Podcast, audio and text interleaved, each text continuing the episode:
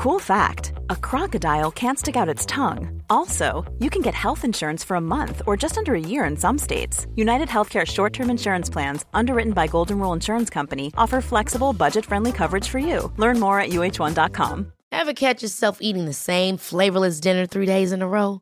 Dreaming of something better? Well, HelloFresh is your guilt free dream come true, baby. It's me, Gigi Palmer. Let's wake up those taste buds with hot, juicy pecan crusted chicken or garlic butter shrimp scampi. Mm. Hello Fresh. Stop dreaming of all the delicious possibilities and dig in at HelloFresh.com. Let's get this dinner party started. When you're ready to pop the question, the last thing you want to do is second guess the ring. At Bluenile.com, you can design a one of a kind ring with the ease and convenience of shopping online. Choose your diamond and setting. When you find the one, you'll get it delivered right to your door. Go to Bluenile.com and use promo code LISTEN to get $50 off your purchase of $500 or more. That's code LISTEN at Bluenile.com for $50 off your purchase. Bluenile.com code LISTEN.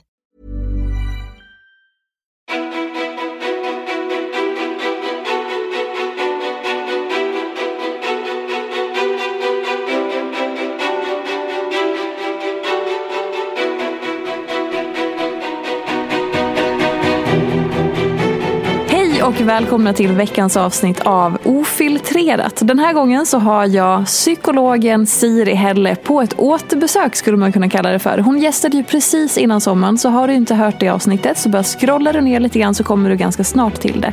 Annars så bara fortsätt lyssna så djupdyker vi i vårt mående. Varför mår vi som vi mår? Vad är det som pågår egentligen? Och kanske framförallt, hur ska man förhålla sig till det? Välkommen Siri! Tack så mycket. Så mysigt att vara tillbaka. Ja, men det var så fint att du ville komma tillbaka så pass snabbt. Vi sa ju det direkt när vi gick ut från studion förra gången och började, jaha kalendern, har vi en ny tid. Ja.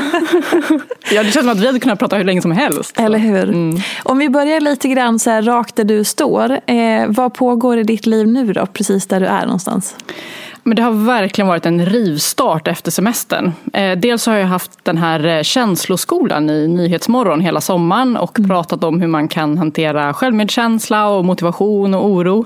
Och sen nu då skolstartsveckan så har jag lanserat kampanjen Psykisk hälsa på schemat. För jag tycker att våra politiker ska se till att alla unga får undervisning kring psykisk hälsa i skolan. Mm.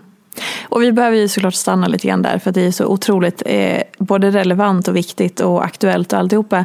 Berätta lite mer om den, vad innebär den? Eh, ja, men, eh, det är ju många som har drivit den här frågan länge. Eh, och forskning visar ju att det fungerar. Det finns rapporter från både WHO och Folkhälsomyndigheten som visar att unga som får lära sig om psykisk hälsa mår bättre. Och man har det redan som en del av undervisningen i Finland och man har infört det i Kanada och Nya Zeeland och sådär. Så att det är egentligen bara en tidsfråga innan det kommer till Sverige. Men vi har inte infört det. Det finns liksom inget formellt beslut på hur det ska se ut eller vad det ska innehålla eller sådär. Mm. Vilket ju är skandal om du frågar mig. Vi har haft fysisk hälsa på schemat i snart 200 år. Vad väntar vi på? Ja, Nej, men det är helt knäppt. Så, så i den här kampanjen så har jag samlat då ideella organisationer som ställer sig bakom det här förslaget. Det är Unicef och Friends och Maskrosbarn och Span och Riksförening för skolsköterskor, ja men många som helst. Mm. Eh, och sen så har jag skrivit en debattartikel som publicerades i Göteborgs-Posten. Och sen så har det varit då en massa intervjuer för att följa upp det här. Och vad har du fått för respons? De flesta är ju för. Ja. Eh, och det var egentligen ingen nyhet för att det finns opinionsundersökningar som visar att åtta av tio svenskar tycker att det här är en bra idé. Ja. Och elevkårerna har ju skrikit efter det här i flera år. Men vad fan är det som pågår då? Om man får vara så vad jävla är det som här, pågår? Vad, vad hur svårt ska det vara då? Nej. Ja, men, och, och, och, det är klart att men, det har varit jättemånga förändringar i svenska skolan de, de senaste decennierna. Så jag förstår att det finns en förändringströtthet och så här, ja, ännu en grej nu som ska in på schemat. Eh, det är ju folk som pratar om eh, privatekonomi och programmering och entreprenörskap och sådär. Mm. Men jag menar, kom igen, alltså psykisk hälsa är ju en förutsättning för att man ska kunna hänga med i skolan. Ja, och det är väl också grunden till allt. Utan det ska man varken bli en entreprenör eller bry sig om sin privatekonomi eller laga mat eller någonting. Verkligen. Så att, ja. Ja, och, och, och sen finns det ju massa olika program som man då som sagt har sett funkar. Och det minsta, det är liksom fem lektionstillfällen. Totalt? Totalt, och man har sett att det ger effekt. Vadå fem över en hel skoltid? Eller Då har, på man, nej, precis, då har man gjort det liksom, under tre veckor så har man som ett Ah. moment. Liksom, precis som man då tidigare kanske hade då sexualundervisning. Gud, jag hoppas verkligen att, eh, nu tog jag till Gud här också helt plötsligt, men här, jag hoppas verkligen att det här trä- alltså, får den genomslagskraft som du behöver. Du sa ett väldigt intressant ord som jag bara vill stanna lite vid. Eh, förändringströtthet. Kan man applicera det eh, på sig själv som person? Absolut. Hur då? Eh, nej men just när man känner, om man är intresserad av personlig utveckling så kan man jobba hela tiden med sig själv och bli bättre. Och man går kurser och man, man kanske lyssnar på poddar eller sådär. Och sen kan det ju komma till en punkt när man är så här, åh, men kan jag inte bara få duga som jag är? Ja. kan det inte bara vara good enough? Ja. Och det gäller ju att hitta den där balansen av att känna att man är good enough samtidigt som man ju också kan ha saker som man vill jobba med och det finns alltid saker som kan bli bättre. En missuppfattning kanske är att man går i terapi för att bli klar. Alltså ungefär som att så här, då, då, okej, men då, nu gör jag den här satsningen, nu, nu, nu går jag till den här psykologen, eh, vi säger i tre till sex månader kanske någon tänker. Och sen är jag färdig som människa. Ja! Visst vore det härligt? Men liksom, det hör man ju ibland, nej men jag har ingenting att prata eller jag, nej men jag gick ett tag och sen blev jag klar. Ja, Gud vad skönt för de människorna. Jag känner mig inte klar och jag Nej. ägnar mig åt psykologi eh, 40 timmar i veckan. Eller hur? Men har du, liksom, kan du också uppleva den? Att det, att det, för, det tycker jag ofta man hör. Det var någon i min närhet som sa det ganska nyligen. Så här, Nej, men jag provade det där vet du, och sen jag hade inget att prata om så var jag klar. Vet du. Okej. Ja, Men det tycker jag ändå låter som en skön inställning. Då är man så här, jag är good enough. Jag skulle dock säga att det, det finns nog mycket mer som var lite för jobbigt att, att djup, dyka ner i. Men jag, ja, absolut. Okej, just det. Nej men som sagt, att hitta den balansen. Att man ändå kan fortsätta utvecklas inom de här områdena som vi alla brottas med. Jag menar, livet förändras ju. Det är klart det dyker upp nya utmaningar hela tiden. Samtidigt då som man inte känner att man behöver pressa sig själv hela tiden. Och då kanske också en så relevant fråga, om man väl har, har börjat jobba med sig själv, eh, får man ta pauser så att man, och känna att man så här, okej men för, för om man väl har påbörjat ett sånt race, att man kanske går till någon och pratar eller man är och gräver i sin barndom eller vad fasen som helst och så börjar som att det blir, blir att man kan känna att då kanske det blir något fel om man skulle ta ett uppehåll. Men är inte det ganska sunt tänker jag? Eller vad tror du? Eh, ja, men det beror nog på hur man gör det. Så om man har en pågående behandling, då är det ju ofta bra att pusha igenom till slutet. För annars är ju risken att man slutar precis innan det där genombrottet. För det är ofta då det är som tuffast. Men sen lättare och man fattar grejen och sådär. Eh, Men däremot, man kanske inte behöver liksom göra saker slag i slag hela tiden. Att säga, nu ska jag styra upp det här och sen det här och perfekta hemmet och perfekta kroppen. Och, ja. För då är det ju lätt att det blir, man går i den fällan då att allting som, som har med ens egen person att göra också blir att man ska bli så perfekt som möjligt. Och så ramlar man in i någon slags eh, prestationsgrej där ens personliga utveckling blir också en liksom, eh, eh, prestation. Mm, verkligen, verkligen. Snårigt.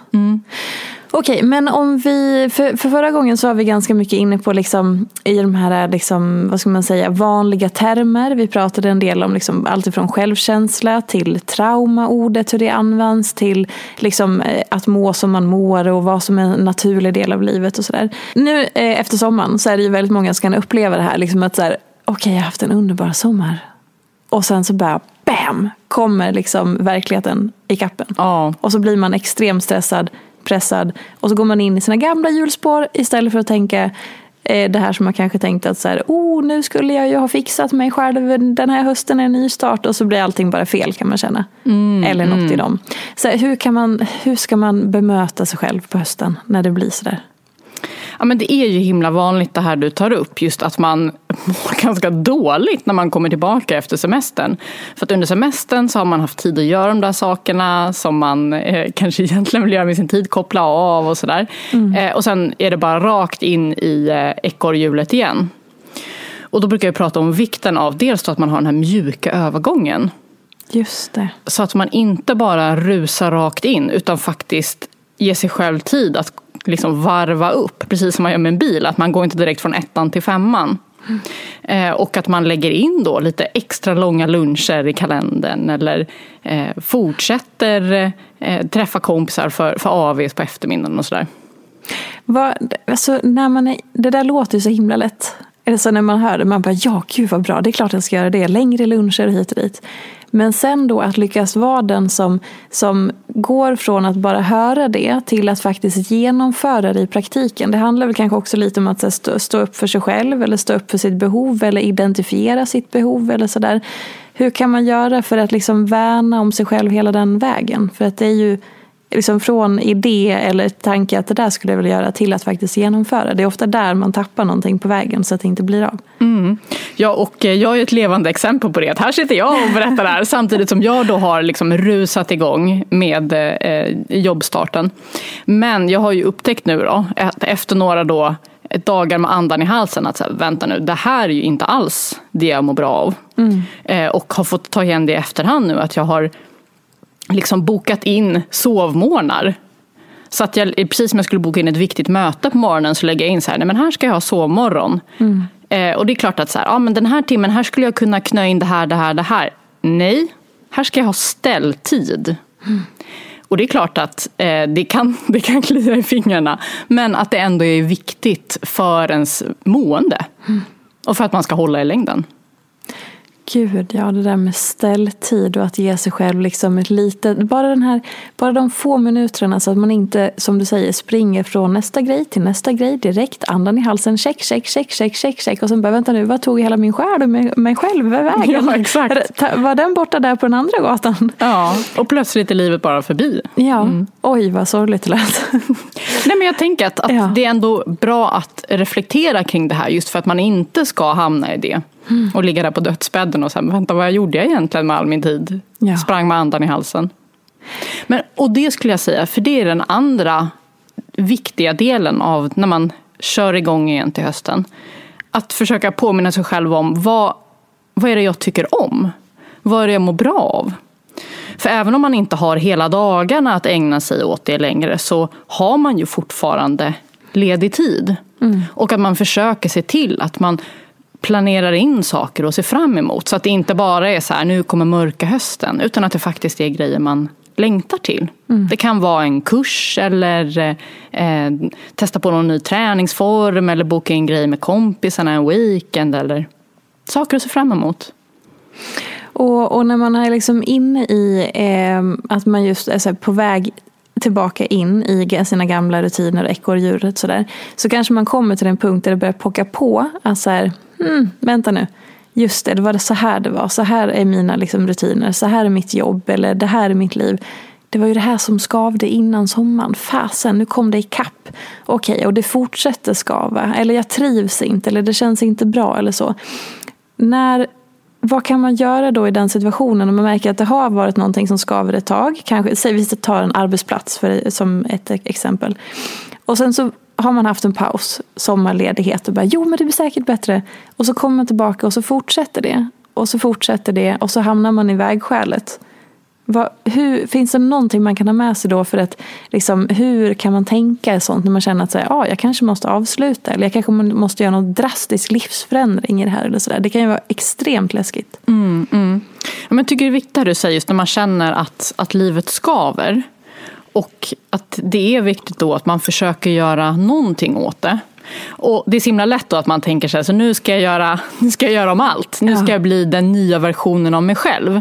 Och då blir det ju lätt att det blir alldeles övermäktigt och man mår dåligt sådär. Eh, så vad jag brukar göra det är att jag sätter mig ner och gör en mindmap. Ah, just det. Och liksom ritar upp då, vad är mina olika livsområden? Eh, vad innehåller de och vad är det som skaver där? Och sen då, hur skulle jag önska att det ser ut? Vad är det jag vill förändra? Och så är det då ofta kanske eh, liksom tio saker, hundra saker. Nej men man mm. kan komma på jättemånga grejer man skulle förändra. Men att man då väljer ett par. Vad är det jag tror skulle vara mest potent just nu?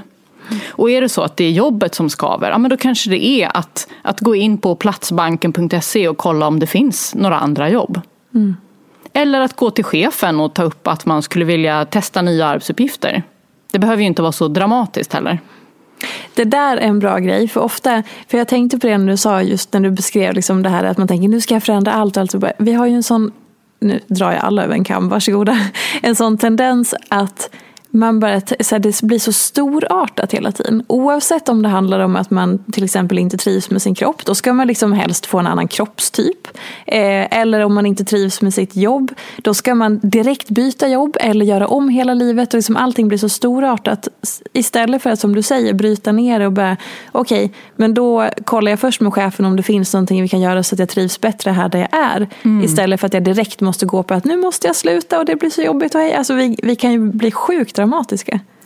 Verkligen. Och jag tänker att vi behöver prata mer om de här stegen på vägen. För säg då till exempel att man, man blir intresserad. Ja, men jag kanske vill testa en ny bransch eller byta jobb. Sådär. Det första man gör behöver inte vara att byta jobb. Mm. Utan det kan ju vara att boka in en lunch med någon som jobbar i den branschen. Exakt. Och prata om det. Hur är det att jobba där? Skulle jag trivas med det? Eller typ byta avdelning. Eller som sagt prata med sin... Äh, så här, jag har en teori om att vi människor är sjukt rädda för att kommunicera. För att vi vill så jävla gärna bli omtyckta. Nu börjar jag svära också. Men det här ligger mig så varmt. Alltså vi är så dåliga på att kommunicera. För att vi får inte lära oss att kommunicera.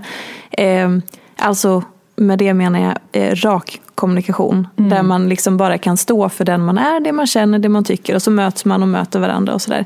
Utan att vi är inne i det här pleasing och att man ska bli godkänd av andra och så vidare. Och det gör att det kanske, istället för att typ våga ta den jobbiga konversationen med då chefen att man inte trivs. Då är det nästan så att man hellre slutar för att slippa en jobbig ja, konversation. För, ja. Alltså det är överdrivet, men förstår du vad jag menar? Absolut. Och det tänker jag också är någonting eh, kulturellt. Eh, om man bara tittar på Sydeuropa, då är det ju mycket rakare kommunikation och att det är okej att man bråkar ibland. Det är en del av, av livet. Mm. Medan här i, i Skandinavien så är vi väldigt måna om att liksom inte säga för mycket och eh, sådär, vara väldigt försiktiga. Eh, men ja, jag tror verkligen att det ligger någonting i det här att, att man har mycket att tjäna på att vara tydlig med sina behov. Mm. Och om man inte är det, hur, hur börjar man? Det handlar ju om att träna. Det är mm. precis som när man, man tränar upp en, en ny muskel. Att man kommer inte kunna lyfta de tyngsta vikterna det första man gör. Man kanske inte kommer våga marschera in till chefen och eh, ställa krav. Utan det kanske handlar om att göra med familjen, göra med vänner. Alltså att, att träna på att säga vad man behöver eller vad man skulle vilja ha eller sådär. Att bara säga vilken film man vill se på fredagskvällen kan vara ett stort steg för många. Mm. Och då är det där man får börja. Och, och, det här är någonting som många brottas med, så det är också ett kapitel i, i boken Känslofällan då, som jag har skrivit. Och som du sa, eh, bara för att vi ska vara så superkonkreta till de som lyssnar. Eh, att, att säga vilken film man vill se kan vara ett exempel. Kan du ge några fler sådana superkonkreta, enkla exempel som man skulle kunna copy-pasta rakt av? Ja, men att eh, be sin partner att eh, torka av diskbänken eller stänga skåpluckorna om det är någonting som man har gått och stört sig på. Eh, det kan vara när ens mamma ringer och man inte orkar ta det samtalet, att man bara säger så här, ja men jag orkar inte prata just nu men kan vi ta det en annan dag? Mm. Alltså bara överlag, stå upp för sig själv och sina behov. Mm.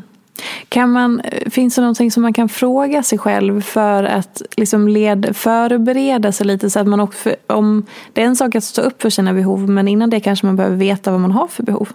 Mm, mm. Och det kanske inte är så självklart om man aldrig har uttryckt dem så kanske man inte ens har reflekterat över så här, men jaha, men vad har jag för behov då? Eller hur ska man mm. veta det? Eller Just det. hur börjar man? Och det är ju också en, en övningssak. Att fråga sig själv i olika stunder, att stanna upp och vara så här, vad behöver jag just nu? Mm. Vad skulle göra min dag lite roligare, lite lättare?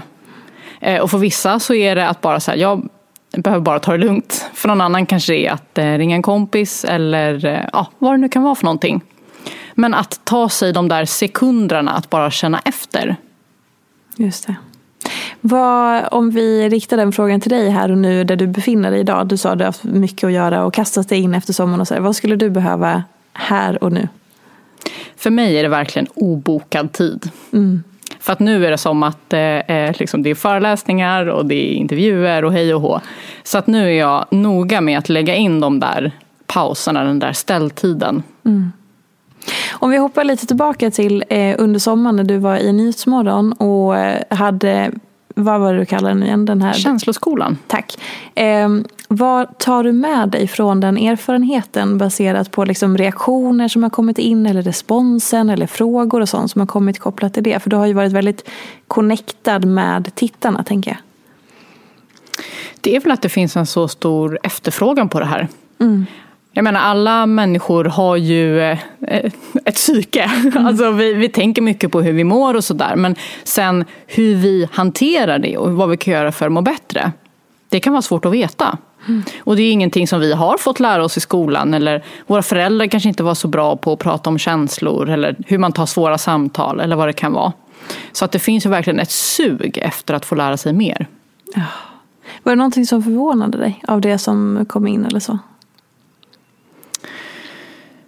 Jag tror nog inte det. Eh, jag blev ganska överraskad av eh, eh, att vara i sändning är alltid spännande för varje gång är, är nytt. Så vissa programledare de följer frågorna och andra de kan, det kan komma vad som helst. Mm. Så man får bara vara beredd. Ja. Men och, så vad är egentligen det största stigmat runt våra känslor skulle du säga? Någonting de flesta tycker att det är okej att prata om eller vill att man ska prata om mer, det är ju det här med självkänsla och eh, självmedkänsla. Just det här att vara eh, snällare mot sig själv. Däremot så pratar vi inte så mycket om till exempel ilska. Alltså just när det är riktat mot någon annan. Och liksom så här, att man vill vara hård eller aggressiv eller missundsam. Mm. Och det tänker jag att vi behöver prata mer om. Just för att till exempel missundsamhet är ju också en känsla som, som alla kan känna igen sig i ibland. Mm. Om man upplever den då, hur, om man, eh, så här, om man drabbas av den känslan, hur fasen hanterar man den? Ja, men I många fall så tänker jag bara låta den finnas där. Mm. Alltså det är en känsla precis som alla andra, den kommer gå över. Eh, det är inte farligt, du är inte elak eller ond, det är helt naturligt. Mm. Eh, så låt den vara där. Och sen så behöver du inte agera på känslan, du behöver inte vara taskig mot någon. Men liksom att känslan finns, det är helt normalt. Mm. Ilskan då? Ja, men det kan väl vara, vara samma sak där, att, att det är helt okej okay att vara arg. Mm. Alla är det. Det kan vara en konstruktiv kraft om det får dig då att till exempel stå upp för dig själv om någon går över dina gränser. Och sen är nästa fråga då, okej okay, så hur, hur hanterar jag den? Och om det är till exempel eh, missundsamhet och den, säg att det är riktat mot kanske ja, men ens bästa vän. Och man känner att, att det är jobbigt att känna den här missundsamheten. Jag, jag, jag vill inte känna så här. Då kan man ju också använda den här beteendeprincipen som jag pratade om i förra avsnittet. Nämligen att istället för att agera på känslan du har just nu så agerar du i linje med känslan som du vill uppnå. Och vill du då vara, vara generös och unna din kompis då kanske det handlar om att liksom, ge en genuin komplimang till exempel. Mm. Någonting du faktiskt du kan, Man kan alltid hitta någon liten detalj mm. som man faktiskt menar. Eh, och, och att det kan bli en öppning då till den här nya känslan. Det är ju så självklart när man eh, både lyssnar på dig och när man liksom är inne i allt som har med personlig utveckling och känslor och det emotionella att göra. Så blir det ju så tydligt att så här, ja, men det är ju verkligen att träna på. Och det är precis som du säger. Och det är inte konstigt att, att man kan känna eller tänka sig i många områden att man ska Jag är så dålig på att prata om mina känslor eller jag är så dålig på eller jag kan inte, det här är så läskigt och så vidare. För att vi får inte träna på det och det är inte en naturlig liksom, övningsplats. Men det perspektivet, just att liksom, men det här behöver jag träna på, det gör ju att det blir så otroligt tillåtande. Mm, Men, och det är så konstigt. Nu bara blev jag återigen fick en sån här, så här, vad fasen håller vi på med? För att det är ju, hur fasen ska man kunna hantera livet om man inte får lära sig att dela med det man känner? Det är en sån grundläggande Verkligen. grej. Mm, mm. Och nu säger jag självklarheter, jag vet. Man blir så här, men what the fuck är det som pågår? vad håller vi på med? Ja, alltså på riktigt. Mm. Nej men verkligen. Eh, och, och det jag tänker att det är himla viktigt just för att det kan finnas mycket skam kopplat till det här. Mm. Eh, och att man tänker att så här, jag borde kunna det här. Men, eh, och det är samma sak när man pratar om det här med att, att prata om känslor eller vara en bra lyssnare. För det kan man ju också uppleva att man har försökt att öppna upp och att den man pratar med inte kan ta emot det på ett bra sätt. Mm. Särskilt kanske man pratar med föräldrar eller personer som tillhör äldre generation som kanske ännu mindre har, har tränat på det här. Eh, och att de inte ger en det man behöver. Men att i, i deras fall så handlar det ju också om träning. Just det. Och hur hanterar man det då? Om man upplever det som ett sånt konkret exempel då att så här, okay, föräldrarna är på en plats och barnet är på en annan plats. Som, och så kanske det känner att man inte connectar där eller vad det nu kan vara. Hur skulle man kunna göra då för att närma sig det? Mm. Alltså har man ett akut behov av att prata med någon, det kan ju vara att man mår dåligt eller man behöver eh, bolla ett problem eller så. Så då tycker jag att man kan testa att öppna upp för en person så att man berättar lite grann och sen så ser man hur det landar. Och upplever man då att den här personen verkar vara en god lyssnare, den ger bra stöd, då kan man öppna upp lite till. Mm. Men får man inte det stöd man behöver, det kan vara att den personen inte är någon bra lyssnare eller så kanske den bara just nu har väldigt mycket annat som pågår i livet. Att man då testar någon annan. För, för, annars är risken är om man då öppnar sig liksom en gång för alla och sen får man inte det stöd man behöver och att man då sluter sig igen. Och tänker nu har jag testat det här och jag mår bara sämre så då får det vara. Så hellre då liksom ja, pröva sig fram. Det hör man ju också en del eh, just när man söker efter en psykolog som man känner förtroende för eller en samtalsterapeut eller så. Att, för det handlar också mycket om förtroende eller personkemi och så. Och sen säga, ja men jag var hos en men det kändes inte bra och sen var jag hos en till och det kändes inte bra. Så jag orkar inte, öppna, jag orkar inte dra hela raddan en gång till. För mm. att man då liksom har kommit till någon som man upplever, det här är inte rätt. Och så ska man dra hela sin historia igen. Och så ska man dra hela sin historia igen. Och till slut ger man upp man inte hittar. Mm. Ja, och det kan jag verkligen förstå. Och det är klart att egentligen så ska man inte behöva vara med om det. Eller särskilt inte om man söker inom den offentliga vården. För att det ska finnas en, en baseline som är bra. Mm. Alltså att, att alla som jobbar inom vården är goda lyssnare och sådär. Um, men med det sagt så det är ju viktigt att, att man vågar testa igen, att man orkar testa igen just för att det ofta då finns behandlingar som fungerar. Och det är så himla tråkigt då om, om man har haft otur och hamnar hos en, en terapeut som inte ger en liksom det man behöver. Att man då ger upp. Så ett, ett råd man brukar ge när det gäller att söka terapi privat, det är ju att man testar då. Man dejtar lite olika terapeuter mm. och sen ser man vilken man klickar med och går vidare med den. Just det. Sen är det klart att man kanske inte har råd eller det kan vara andra saker. Men om man har möjlighet så skulle jag verkligen rekommendera det. Mm. Eh, om vi knyter tillbaka lite grann till eh, det som kommer tillbaka efter sommaren och sen så skaver det och sen kanske det är byta jobb och sådär. Någonting som man ofta eh, hör människor uttrycka rädsla kring är ju när det handlar om att avsluta saker. Oavsett om det är avsluta en relation eller avsluta en arbetsplats eller snarare en anställning. Eller flytta. Eller mm. du vet någon sån stor Eh, livsförändring där man upplever ett avslut på något sätt. Vad, om man står inför det och lyssnar på det här till exempel och tycker att så här, oh, gud, det är lite så där, obehagligt eller så. Vad, vad kan man ha med sig som vetskap eller stöd eller bara ha i bakhuvudet när det kommer just till att avsluta saker? Ja, det här är ju en, en mänsklig tendens som finns hos oss alla. Som man brukar kalla för status quo bias.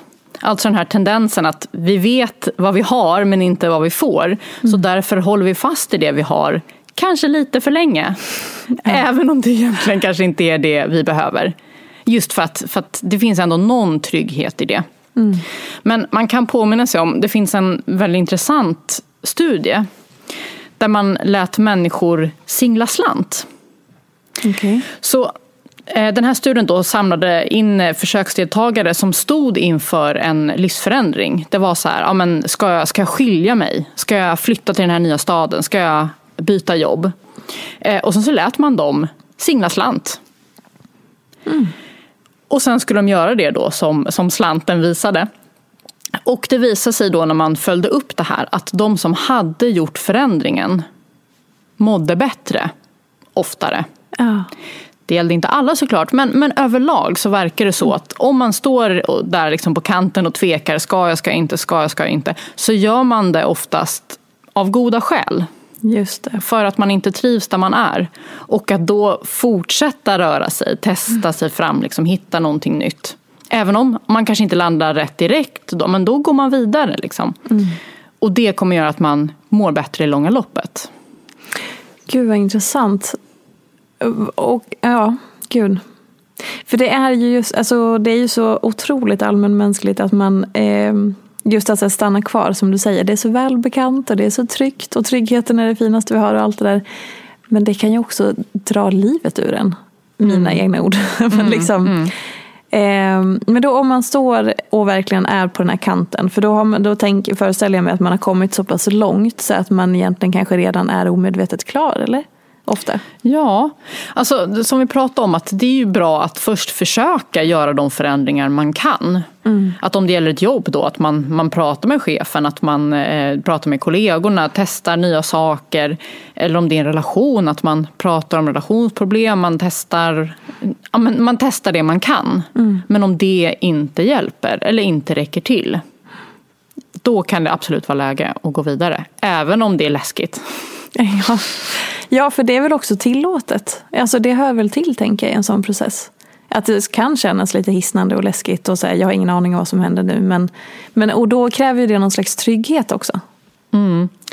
Eh, Definitivt. Eh, Och det är också viktigt då att när man gör det här att man försöker att aktivera sitt skyddsnät. Ah.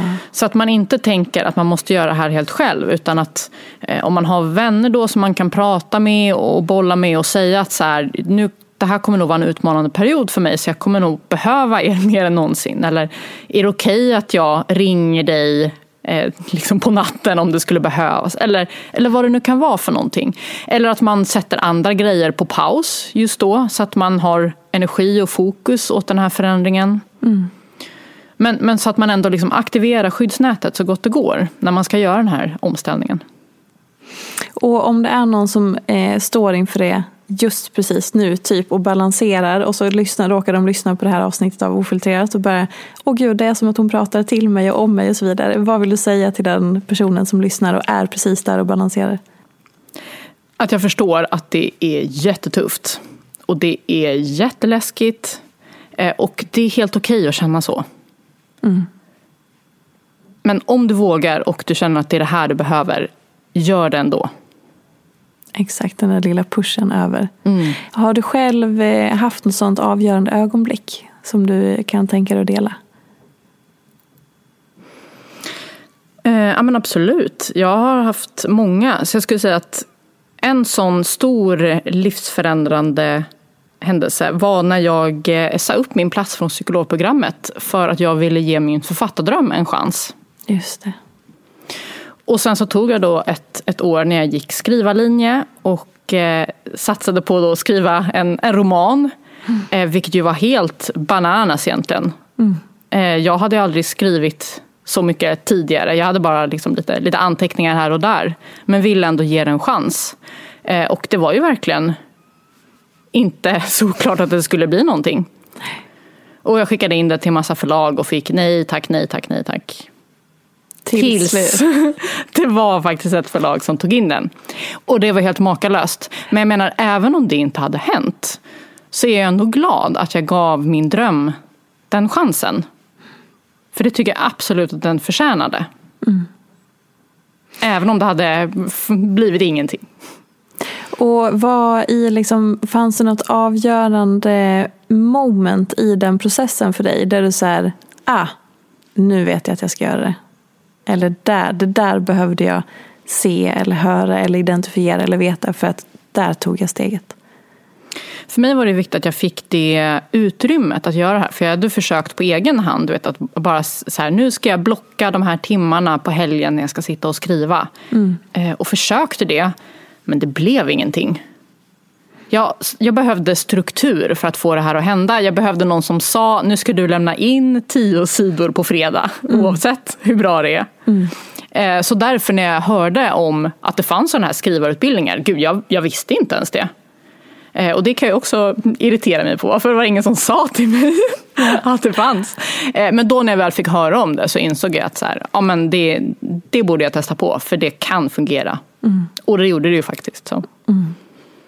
Det är så jäkla coolt när man ser dem där, eh, så de i backspegeln och ser att så där, det där var ett avgörande steg. Har du någon, har du någon mer? Ja, men jag tänker att det också kan vara värt att prata om när det inte gick vägen. Mm. För eh, ja, men, när boken hade kommit ut eh, så var det flera som sa till mig så här, wow den är så filmisk, den borde bli film.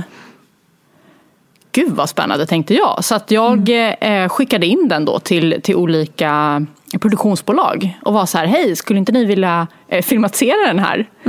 Eh, och det var, det var några som hörde av sig och var lite så här, ja men vi har läst och vi tycker det är intressant men nej tack.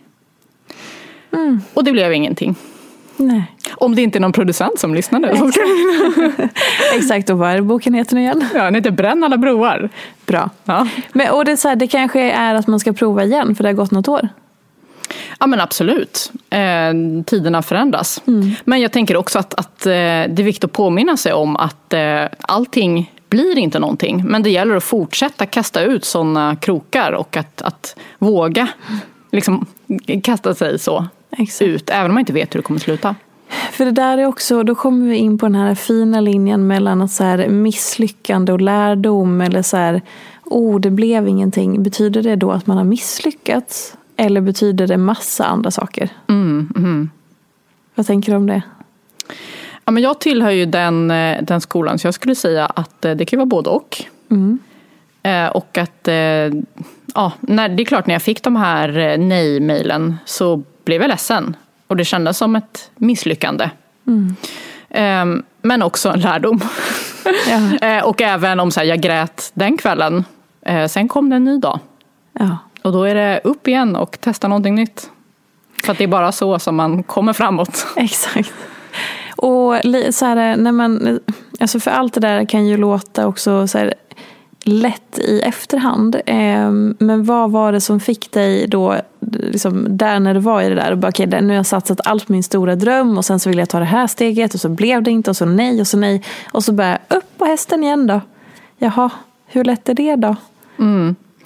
Det är ju inte så lätt och det tar ju ett tag att, att eh, borsta av sig eh, smutsen och, och eh, försöka igen. Absolut. Har alla den drivkraften? Det är klart att du inte kan svara på- för varenda människa i hela världen. Men liksom, finns det naturligt inbyggt i människor överlag om man generaliserar att man, det är klart man har en överlevnadsinstinkt. Men liksom den här, liksom, den här drivkraften att det är så här, ja ja men okej upp och hoppa igen då, då kör vi. Ja, men vi pratade ju förra gången om det här med att vi människor har olika personligheter. Eh, och de här olika fem personlighetsdimensionerna. Eh, och en av dem är ju eh, liksom emotionell stabilitet.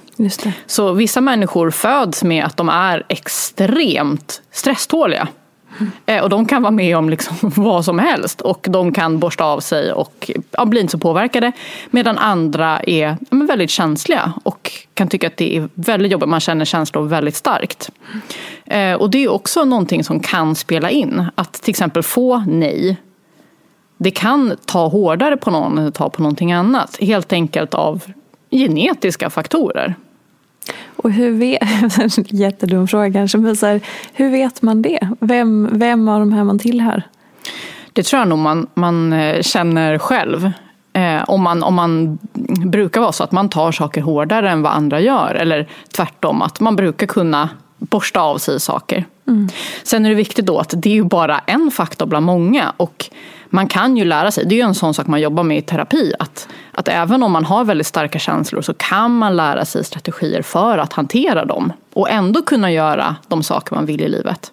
Men det är viktigt att komma ihåg att vi har också olika förutsättningar, både genetiskt och vad vi har fått lära oss under livet.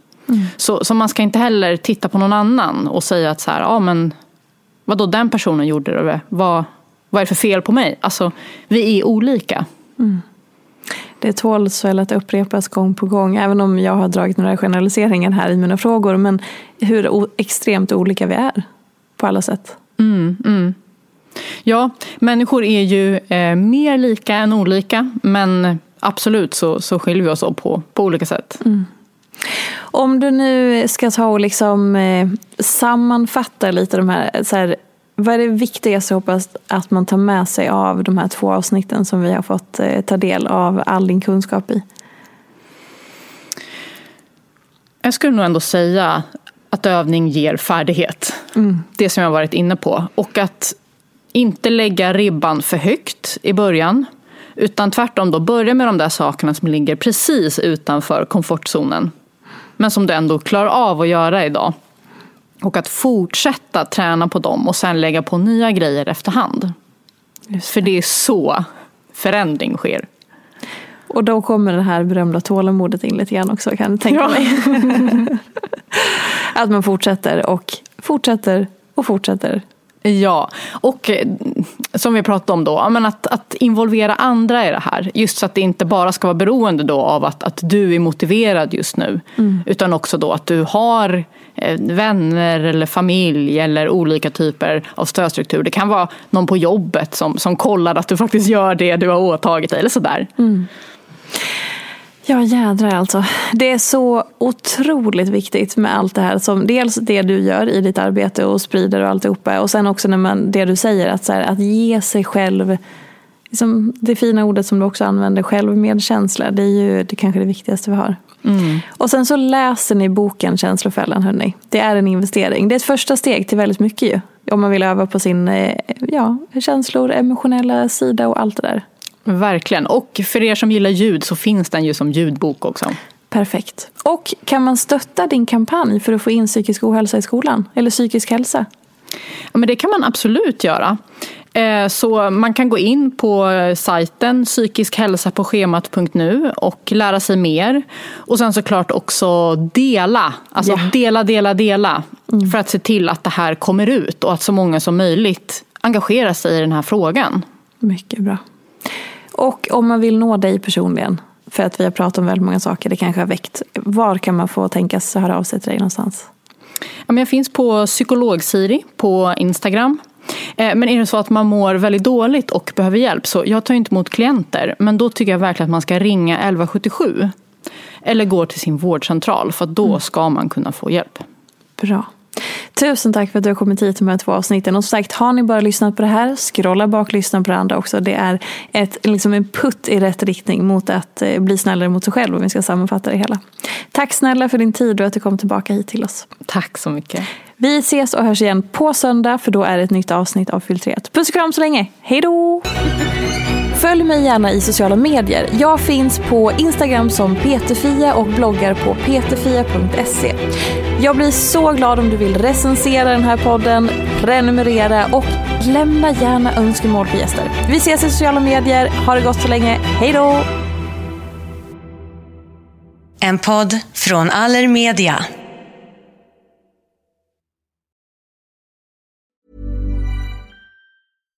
Mom deserves the best and there's no better place to shop for Mother's Day than Whole Foods Market. They're your destination for unbeatable savings, from premium gifts to show-stopping flowers and irresistible desserts. Start by saving 33% with Prime on all body care and candles. Then get a 15-stem bunch of tulips for just $9.99 each with Prime. Round out Mom's menu with festive rosé, irresistible berry chantilly cake, and more special treats. Come celebrate Mother's Day at Whole Foods Market. Planning for your next trip?